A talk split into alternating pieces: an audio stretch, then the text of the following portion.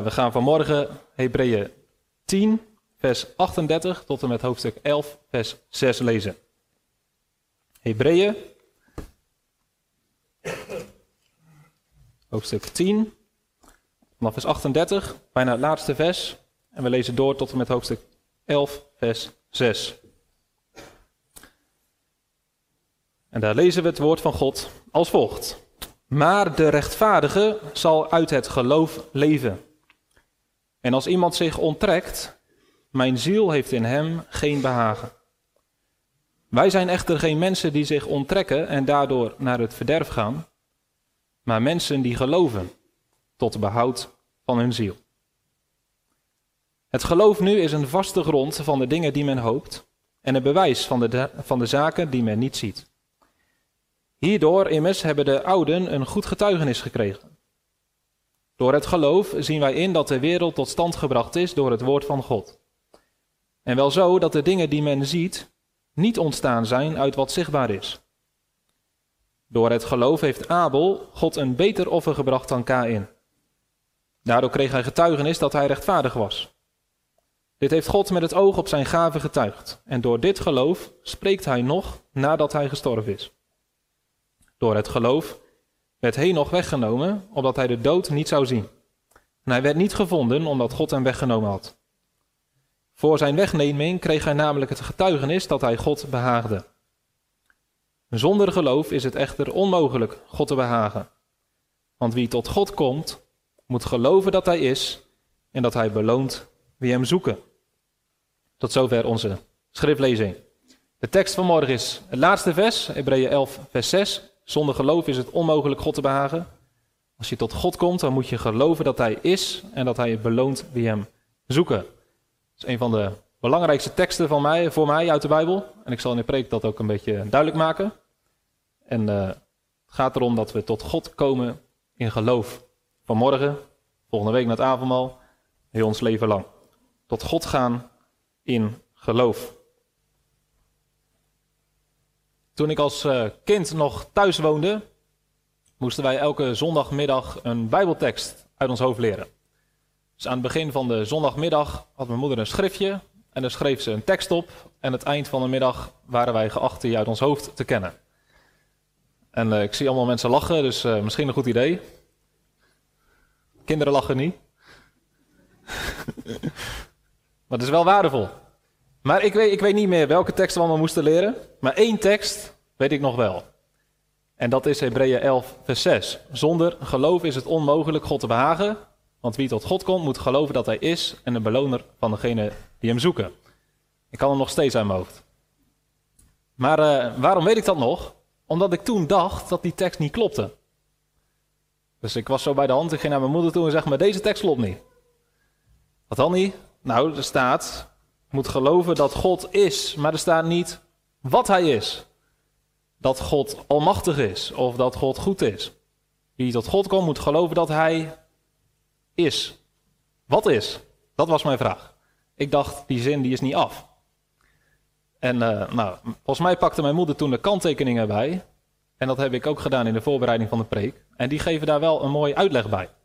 De kanttekening zegt bij uh, dit stukje dat God is, Namelijk niet alleen een wezenlijke zaak, maar ook zodanig als hij zich in zijn woord heeft geopenbaard. Niet alleen volgens de wet, maar ook volgens het evangelie. Waar het geloof, waar Paulus hierover spreekt, eigenlijk op ziet. Nou, dit vraagt ook wel een beetje uitleg misschien, dus dat ga ik nu geven. Het eerste wat de kanttekeningen zeggen, het eerste wat dit betekent, als je tot God komt, dan moet je geloven dat hij bestaat. Hij is een wezenlijke zaak. Dat betekent dat we niet in een God geloven die bestaat in onze fantasie, of in onze gedachten, of in ons gevoel. er zijn mensen die denken dat God bestaat omdat er mensen in Hem geloven. Maar als iedereen stopt met geloven in God, dan bestaat God niet meer. Maar dat is niet waar. God bestaat los van het feit of mensen daar wel of niet in geloven. Al denkt heel de wereld dat God niet bestaat, al gelooft niemand in Hem, dan bestaat Hij nog steeds. Hij is een wezenlijke zaak. Hij bestaat. En dat moet je natuurlijk geloven als je naar hem toe gaat. Als je niet gelooft dat God bestaat, ga je hem ook niet zoeken. Maar de tweede zegt de kanttekening, het gaat er nog veel meer om, niet alleen dat God bestaat, dat God is. Het gaat er vooral om dat je weet wie God is. Dat je gelooft dat God is zoals Hij zich in zijn woord heeft geopenbaard. Dus welke eigenschappen God heeft. En dat is gelijk een belangrijke vraag. Wie is God eigenlijk? Hoe zou je God omschrijven? Aan welke eigenschappen denk je als je aan God denkt? En als je daar een antwoord op geeft, dan heb je je godsbeeld gegeven. Het beeld dat je van God hebt. En ik denk dat er niks belangrijker is in je geloof dan het beeld dat je van God hebt. Dat is alles bepalend. Voor hoe je omgaat met God zelf, maar ook met alles wat met het geloof te maken heeft. Zelfs misschien wel met heel de manier waarop je in het leven staat. Dat is misschien allemaal terug te leiden tot het beeld dat je van God hebt. En daarom, als het gaat om het uh, vieren van het avondmaal volgende week, is het ook belangrijk dat je een juist beeld van God hebt. Dat bepaalt of je wel of niet aangaat. Sommige mensen gaan niet aan omdat ze een verkeerd beeld van God hebben. En sommige mensen gaan misschien op de verkeerde manier aan omdat ze ook een verkeerd beeld van God hebben. En het bepaalt ook in welke mate je er profijt van hebt. Het is heel belangrijk dat we het juiste beeld van God hebben. En uh, hoe komen we erachter wie God werkelijk is? Nou, in de Bijbel. Dus God heeft zich geopenbaard. We kunnen weten wie hij is. En er zegt de kanttekeningen dat God zich eigenlijk op twee manieren openbaart in de Bijbel. Volgens de wet en volgens het evangelie. En dat betekent niet volgens het Oude Testament en Nieuwe Testament, want wet en evangelie lopen in heel de Bijbel door elkaar heen. Welke eigenschappen heeft God volgens de wet? Nou, dan moet je denken aan eigenschappen als dat God heilig is, dat hij rechtvaardig is, dat hij ook de zonde straft. Dat hebben wij denk ik wel ontdekt door de prekenserie tot nu toe van Genesis tot Numeri. Dus als je bijvoorbeeld het boek Leviticus hebt, aan het eind van Leviticus weet je één ding zeker: God is heilig. Hij is anders dan wij als mensen en hij is eigenlijk ontoegankelijk voor ons als mensen. En dat heeft natuurlijk te maken met dat wij zondaren zijn en dat we niet als zondige mensen in de buurt kunnen komen van God die zuiver is, die volmaakt is, die heilig is. En dat dat echt zo is, dat staat ook in Leviticus. Want op een gegeven moment heb je de zonen van Aaron die met vreemd vuur de tabernakel binnengaan. Die op de verkeerde manier tot God gaan. Omdat ze blijkbaar niet geloven dat God werkelijk heilig is. En wat gebeurt er? Ze sterven. Nou, dat moet je dus beseffen als je naar het avondmaal toe gaat. Het is een heilig avondmaal. Je gaat naar een heilige God. Je moet weten hoe je tot hem komt. Maar vervolgens maakt Leviticus ook duidelijk wie God is volgens het evangelie. Want je kunt wel namelijk tot God komen. God heeft de offerdienst gegeven. En in de offerdienst zien we wie God is volgens het evangelie. Hij maakt het mogelijk dat wij door van onze zonden gereinigd worden. Dat we vergeving krijgen en dat we toch bij hem kunnen komen. In het boek Numeri ligt de nadruk meer op het feit dat God rechtvaardig is. We zien heel veel momenten dat de toorn van God ontbrandt over de zonde van het volk. Dat God straft. Dus God is werkelijk rechtvaardig. Hij straft de zonde. In Numeri leren we God ook kennen volgens het evangelie. God geeft een koperen slang. En iedereen die naar die slang kijkt, die wordt genezen van het oordeel. Dus als je zo de Bijbel doorgaat, dan leer je God op twee manieren kennen. Volgens de wet, als degene die geen gemeenschap kan hebben met zondige mensen, als degene die de zonde straft, en ook als degene die bereid is ons te reinigen van onze zonden. Als degene die ons vergeving wil geven. Als degene die ons in liefde en genade wil ontvangen. En het is belangrijk dat wij beide kanten van God bij elkaar houden. Die zijn één. Die kunnen we niet tegen elkaar uitspelen. Die kunnen we niet relativeren. Het gaat dus mis in ons geestelijk leven als we sommige eigenschappen van God wel geloven en andere niet. Dus als je gelooft dat God wel liefde is, en wel genadig is, en wel goed is, maar je gelooft niet dat hij heilig en rechtvaardig is, dan ga je dezelfde fout maken als de zonen van Nadab en Abihu. Je gaat op een oppervlakkige, onverschillige, onverantwoorde manier naar God toe. En dat kost je je leven. Maar andersom kun je ook juist een beeld van God hebben dat hij alleen maar heilig en rechtvaardig en streng en onbereikbaar is. En dat je niet durft te gaan naar Hem. Dat je wegblijft bij Hem. En misschien ook wel bij het avondmaal. Zelf had ik dit beeld heel erg van God. Ik kom uit een uh, reformatorische kerk. Ik denk dat daar sowieso meer nadruk wordt gelegd op het feit dat God heilig is, dat Hij rechtvaardig is, dat je niet zomaar bij Hem kunt komen. En dat zorgt ervoor als je wel naar Hem toe wilt gaan, dat je eigenlijk bang wordt. En dat je wegblijft. Ja, dus als je alleen een heilige en rechtvaardige godsbeeld hebt, dan krijg je een hele serieuze godsdienst. Heel serieus. Je doet je uiterste best, je bent heel trouw. En tegelijkertijd leef je ook in angst. Want eigenlijk kan het nooit goed zijn en nooit goed komen.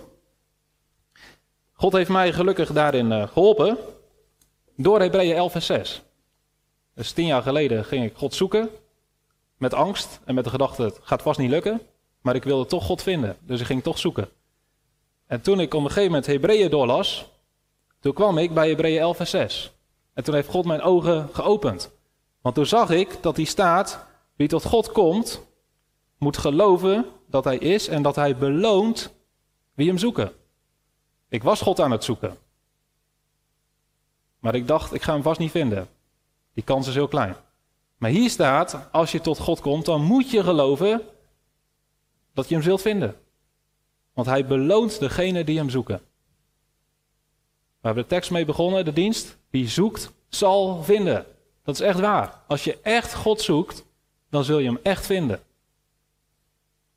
Nou, dat was, wow.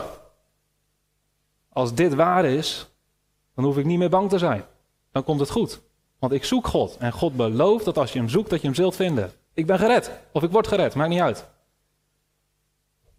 Luther heeft ook zo'n ervaring gehad. Lijkt, uh, ik herken me daar wel in. Luther die zat ook heel erg onder de wet. Dus die leefde in de Rooms-Katholieke kerk. Je moest heel hard werken, veel goede werken doen, veel biechten. Maar altijd leefde hij onder angst dat God je toch zou straffen. Dus Luther was altijd bang voor God. En toen las Luther Romeinen 1. De rechtvaardigheid van God wordt geopenbaard in het evangelie, uit geloof tot geloof. Zoals geschreven staat, de rechtvaardige zal uit het geloof leven. En toen begreep Luther in één keer, als je tot God komt in geloof, dan hoef je niet meer bang te zijn dat hij je straft. Dan geeft God je zijn rechtvaardigheid. En dan ben je behouden. En Luther schrijft daarbij heel mooi, toen ging van mij de poort naar het paradijs open. Ja, dus misschien zitten hier ook wel mensen die worstelen nog met de vraag: ben ik wel gered en hoe kan ik gered worden en wil God mij wel redden? Hier is de poort naar het paradijs. Door deze teksten gaat hij open. Dat je mag komen, dat je moet komen in het geloof dat als je God zoekt, dat je zult vinden. Dat is een kostbare waarheid. God is werkelijk liefde. God wil werkelijk dat je behouden wordt. God wil niet dat mensen verloren gaan. Hij wil dat alle mensen tot bekering en erkenning van de waarheid komen. Als je dat gelooft, dan hoef je niet bang te zijn. Dan kun je naar God toe gaan met blijdschap, met vertrouwen. Dat Hij je niet zal afwijzen, maar dat Hij je zal ontvangen. Maar hoe is dat mogelijk? Want God is toch nog steeds heilig en rechtvaardig. En het antwoord ligt in Jezus Christus. Dat God naar ons toe is gekomen, dat Hij ons zoekt in de Heer Jezus. En wat Jezus heeft gedaan, Hij heeft de straf die wij verdienen voor ons gedragen. Hij heeft ervoor gezorgd dat wij gereinigd worden door Zijn bloed van al onze zonden. En daarom mogen we met vertrouwen naar God toegaan. Die zekerheid van het geloof, dat het goed komt, dat je gered bent, die ligt niet in je gevoel of in een spectaculaire ervaring. De enige grond voor je geloof is het woord van God. Dus als de Bijbel zegt, wie zoekt zal vinden, wie op Hem vertrouwt zal niet beschaamd worden, of uh, wat Jezus zegt, wie tot mij komt zal ik beslist niet uitwerpen, of 2 Kronieken 15. Als u God zoekt, zal hij door u gevonden worden. Maar de Bijbel staat vol met zulke beloften. Dus als je die belofte leest, is het enige wat God vraagt geloof. Dat God niet kan liegen. Dat God je niet bedriegt. Dat God je niet voor de gek houdt. Dat God het meent. Dat als je God zoekt, als je vergeving wil krijgen, als je zijn kind wilt worden, dan belooft God dat Hij je redder wil zijn. God vraagt niks meer en ook niks minder dan terugkeren naar Hem in een vertrouwen dat Hij zijn belofte waarmaakt. Dan andersom ook. Die toepassing moet ik misschien ook maken. Als je niet geïnteresseerd bent in de vraag of je gered bent, of het niet zoveel boeit of je aan het avondmaal gaat of niet, dan moet je misschien meer letten op het feit dat God werkelijk heilig en rechtvaardig is. Dat als je niet tot Hem komt, dat als je geen gebruik maakt van het evangelie, dat je werkelijk verloren gaat. Dus als je werkelijk gelooft wie God is volgens het evangelie, dan ga je begrijpen dat je niet zonder Hem kunt. De God van het evangelie.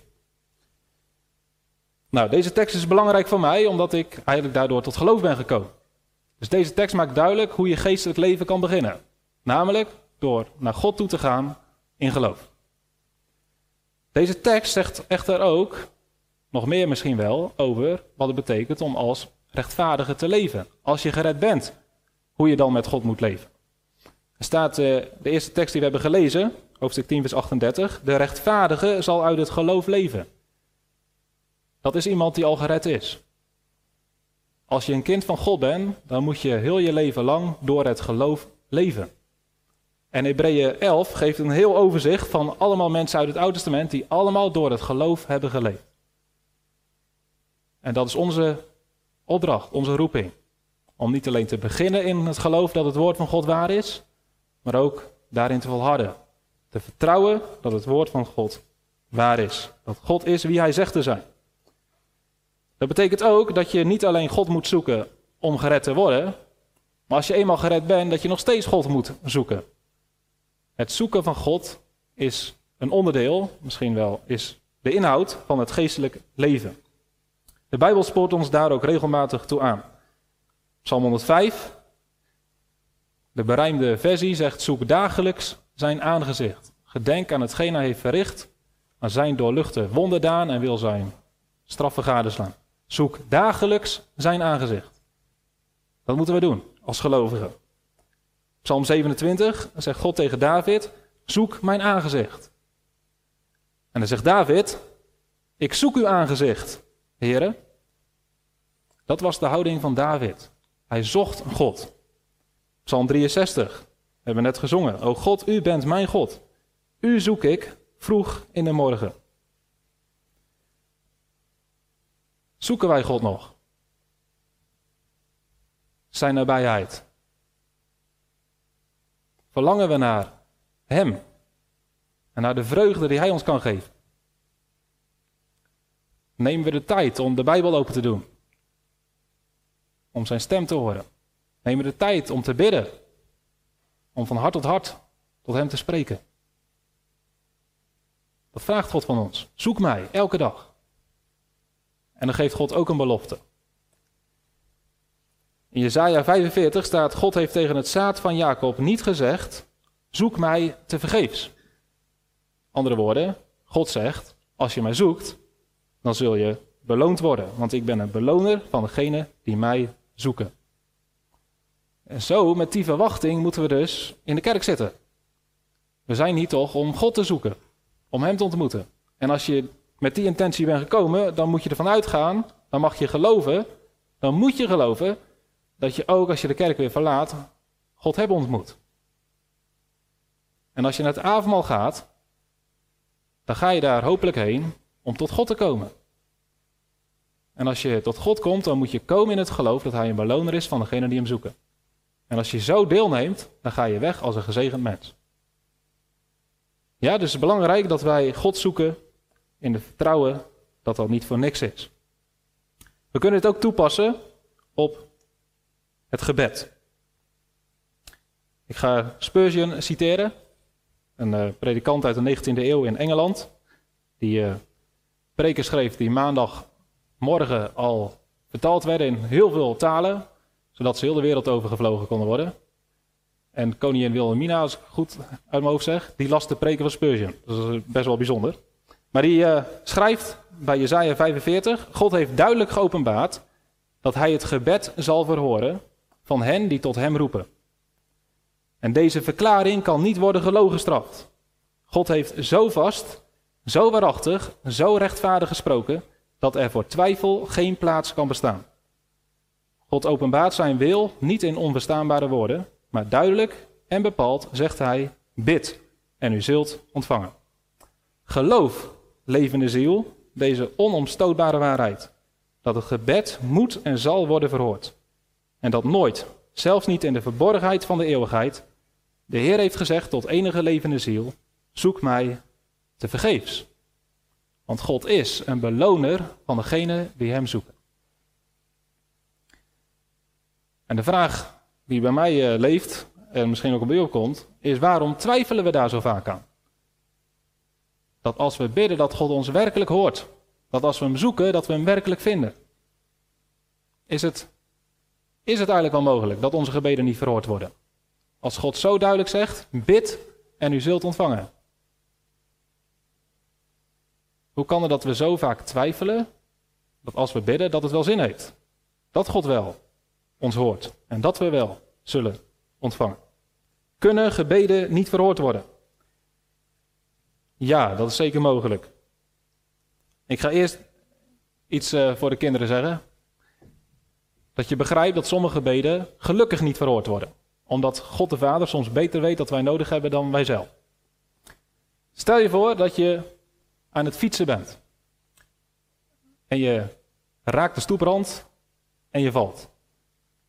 Dat doet pijn. En je hebt bloed aan je knie.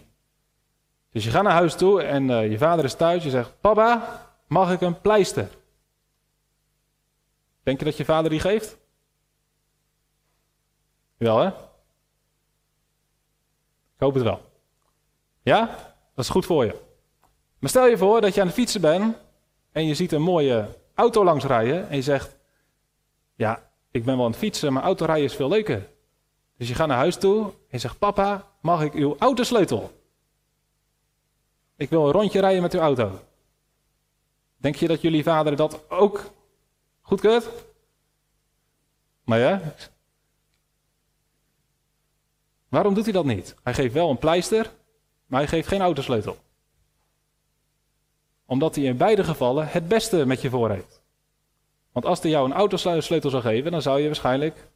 Ik weet niet eens of je de auto aan de praat krijgt, of je gaspedaal kunt bereiken. Maar stel je voor dat het mogelijk is, dat zou niet goed gaan.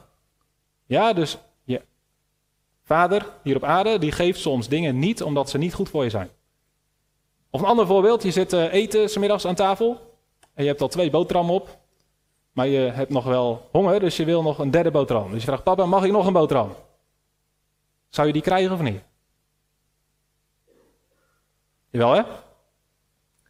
Maar stel je voor dat je zegt, nou, ik heb al, uh, ik heb al twee boterhammen op, geef mij maar een zak chips. Dus papa, mag ik een zak chips? Krijg je die ook? Smiddags tijdens het eten? Nou ja?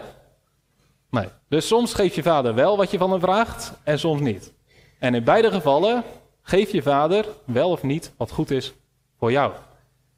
En dat is ook een antwoord op de vraag waarom wij niet altijd krijgen wat we van God bidden. Soms bidden wij om dingen die niet goed voor ons zijn. Of die op dat moment nog niet goed voor ons zijn. Het kan zijn dat je nu de autosleutel niet krijgt, maar als je over 20 jaar er nog een keer vraagt, dat je gewoon de autosleutel krijgt. Ja? Dus het kan zijn dat we nu dingen van God vragen die we niet krijgen, terwijl als we die over 10 jaar of 20 jaar vragen, dat we het gelijk krijgen. En soms zijn dingen gewoon slecht voor ons. Dus God weet wat wij nodig hebben en wat goed voor ons is. En in die zin hoort Hij altijd naar ons gebed. De Bijbel maakt echter ook duidelijk dat God soms op een andere manier, op een andere reden gebeden niet verhoort. Jacobus, hoofdstuk 4, vers 3, zegt: U bidt wel, maar u ontvangt niet, omdat u verkeerd bidt. Met het doel het in uw hartstochten door te brengen. Dus Jacobus zegt: Het kan zijn dat je met de verkeerde motivatie bidt, met de verkeerde intentie. Dat je gericht bent op jezelf. We moeten altijd bidden met God als doel. Dus daarom zegt Jezus: Als je bidt, begin niet gelijk met al jouw verlangens, maar begin met: Laat uw naam geheiligd worden. Laat uw koninkrijk komen. Laat uw wil geschieden. En alleen als onze gebeden in dat teken staan en dat uiteindelijk als doel hebben, zijn het gebeden die door God verhoord werden. Maar als ze naar onszelf toegericht zijn, dan zijn het verkeerde gebeden. Ten tweede staat er in 1 Johannes 5 dat God ons alleen verhoort als wij bidden naar zijn wil. Dus ik zal het voorlezen, 1 Johannes 5. Dit is de vrijmoedigheid die wij hebben in het toegaan tot God. Als wij tot God komen, als wij Hem zoeken. Dat Hij ons verhoort, telkens als wij iets bidden naar Zijn wil. En als wij weten dat Hij ons verhoort, wat wij ook bidden, dan weten wij dat wij het gevraagde, dat wij van Hem hebben gebeden, zullen ontvangen. Dit is een hele duidelijke tekst over gebedsverhoring. Als wij bidden naar Gods wil, dan weten we, al voordat we het hebben gekregen, dan weten we dat wat wij van Hem hebben gevraagd, zullen ontvangen. Maar er staat dus wel bij, dan moet het wel zijn naar Gods wil. Kunnen wij die weten? Nou, we maken onderscheid tussen Gods verborgen wil en Gods geopenbaarde wil. Gods verborgen wil is alles wat God van eeuwigheid besloten heeft. Bijvoorbeeld de uitverkiezing. Wij weten niet hoe God deze geschiedenis helemaal gaat leiden, wie wel of niet gered zullen worden. Maar dat zit allemaal vast in de wil van God, in het plan van God. Maar als het om die wil zou gaan, dan zouden we alsnog niet weten dat onze gebeden verhoord worden of niet. Want wij kennen de verborgen wil van God niet. Dus Johannes heeft het hier over de geopenbaarde wil van God. Dat wat God heeft opgeschreven. Dat wat God aan ons bekend heeft gemaakt. Dat staat in de Bijbel. Dit is Gods geopenbaarde wil. Hierin laat God zien wat zijn hart is. Wat goed is. Wat hij voor ons wil en wat hij van ons wil. En alle gebeden die naar zijn wil zijn, dus gebaseerd op wat God heeft gezegd in de Bijbel, die zullen verhoord worden. Nou, dat is een geweldige belofte. Dus als je bidt, lees de Bijbel door en vraag je af: is dit iets wat God zegt dat we zullen krijgen als we erom bidden? Is dit iets wat Gods wil is?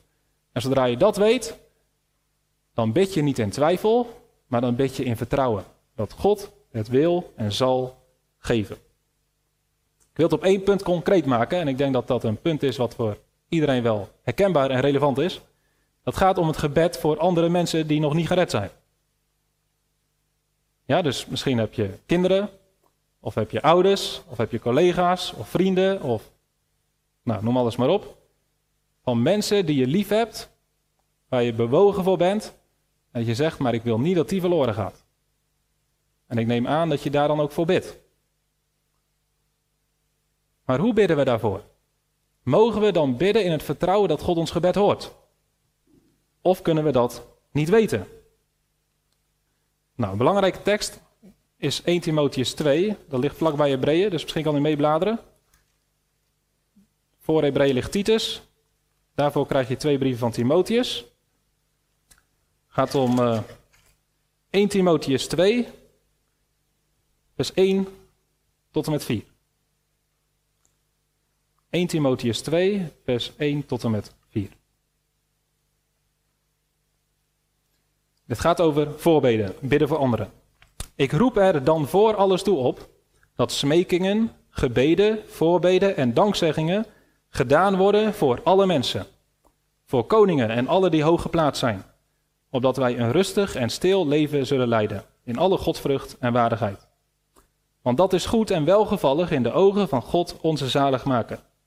Die wil dat alle mensen zalig worden en tot kennis van de waarheid komen. Dus vers 1 zegt: Ik wil dat we bidden voor alle mensen. Niemand uitgesloten, zelfs koningen niet. Voor alle mensen moeten we bidden. En waarom? Vers 3, want dat, en dat gaat over het gebed voor anderen, dat is goed en welgevallig in de ogen van God onze zaligmaker. Want hij wil dat alle mensen zalig worden en tot kennis van de waarheid komen. Dus als we bidden naar Gods wil, of als we bidden voor de redding van anderen, is dat naar Gods wil. God wil dat alle mensen zalig worden. Nou, nu zijn er uh, sommige uitleggers, inclusief de kanttekening, die zeggen: ja, maar dat kan niet. Want niet alle mensen worden zalig. Dus je moet hier lezen: God wil dat alle soorten mensen zalig worden. Nou, dat is een optie. Maar Spurgeon die zegt daarop: als de Heilige Geest wilde dat dat er stond, dan had hij dat wel opgeschreven. Maar hier staat: God wil dat alle mensen zalig worden. Ja, maar dat gaat dus niet over Gods verborgen wil. Dat is duidelijk dat God niet alle mensen redt. Maar Gods geopenbaarde wil is wel: Hij wil dat alle mensen verloren gaan. God heeft geen lust in de dood van de goddeloze, maar daarin dat hij zich bekeert en leeft, zegt Ezekiel. Of uh, 1 Petrus, God vertraagt de belofte van zijn wederkomst niet. Hij is geduldig, want hij wil dat alle tot bekering komen. Ja, dus God wil dat het evangelie ook zo verkondigd wordt aan alle mensen zonder onderscheid. Bekeer je en geloof het evangelie. Want God wil dat je gered wordt.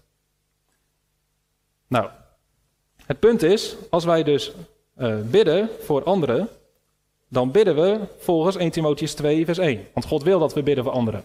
Dus we bidden in die zin voor zijn, naar zijn wil. En vervolgens belooft God niet alleen hier, maar op heel veel andere plekken, dat als we bidden, dat Hij ons hoort. En als we bidden op basis van iets wat Hij van ons vraagt om voor te bidden, dat Hij zeker zal verhoren, dat we daar niet aan hoeven te twijfelen.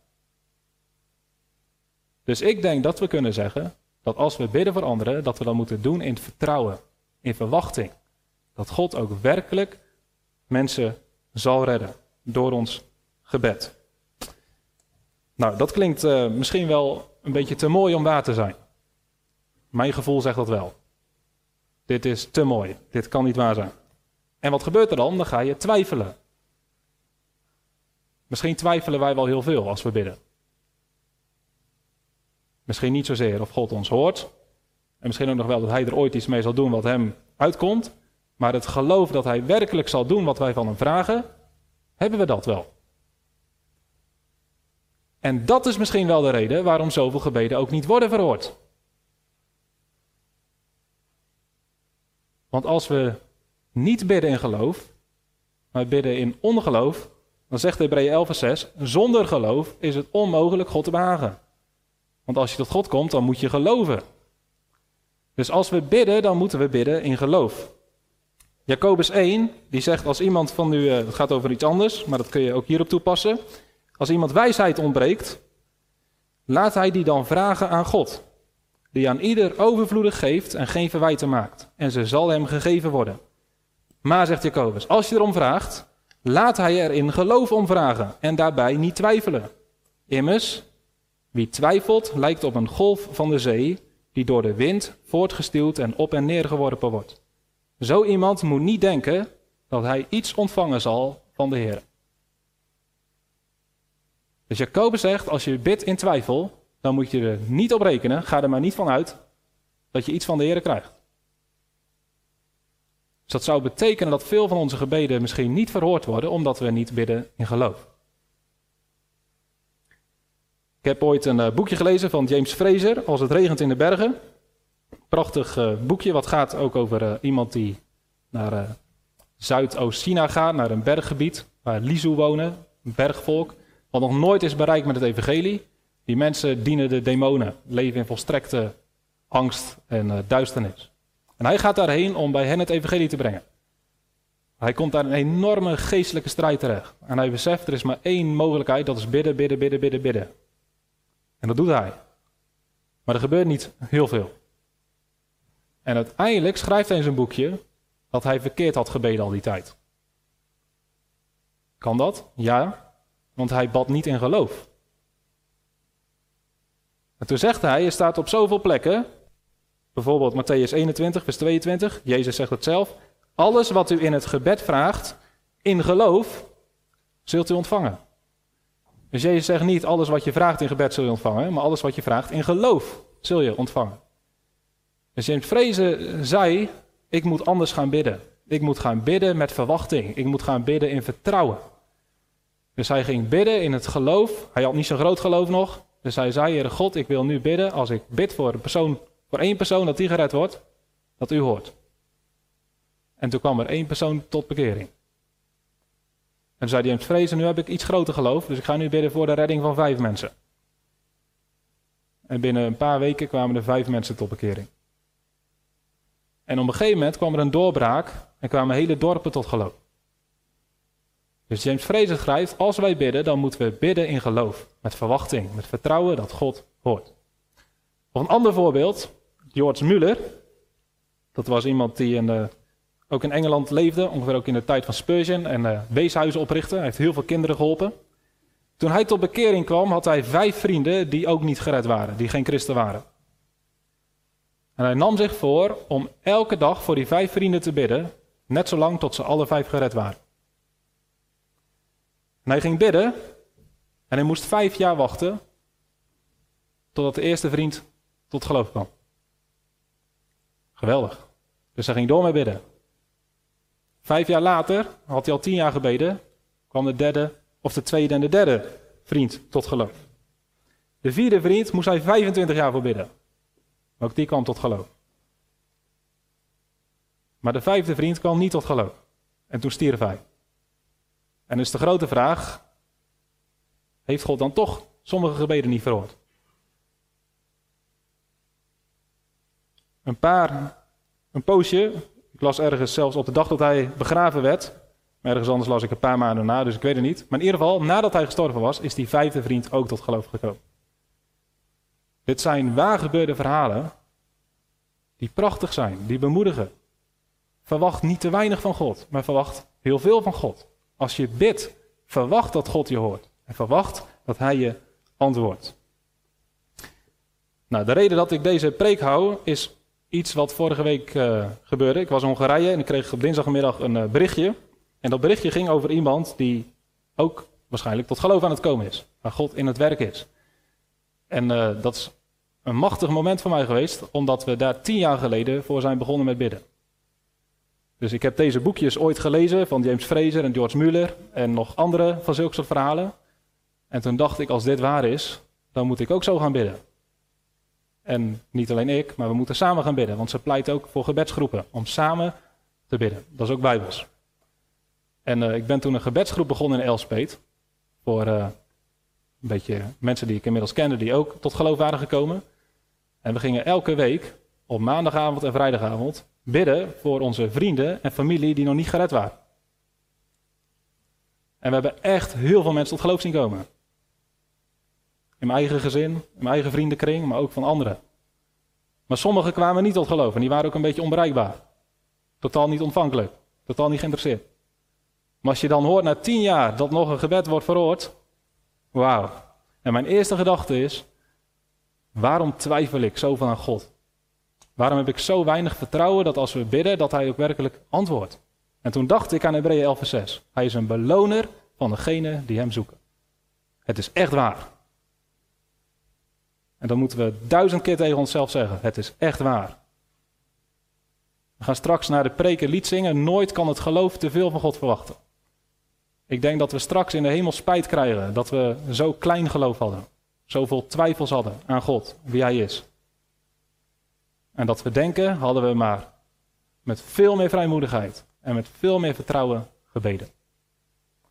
Als we niet geloven wie God is, dan zullen we niet bidden.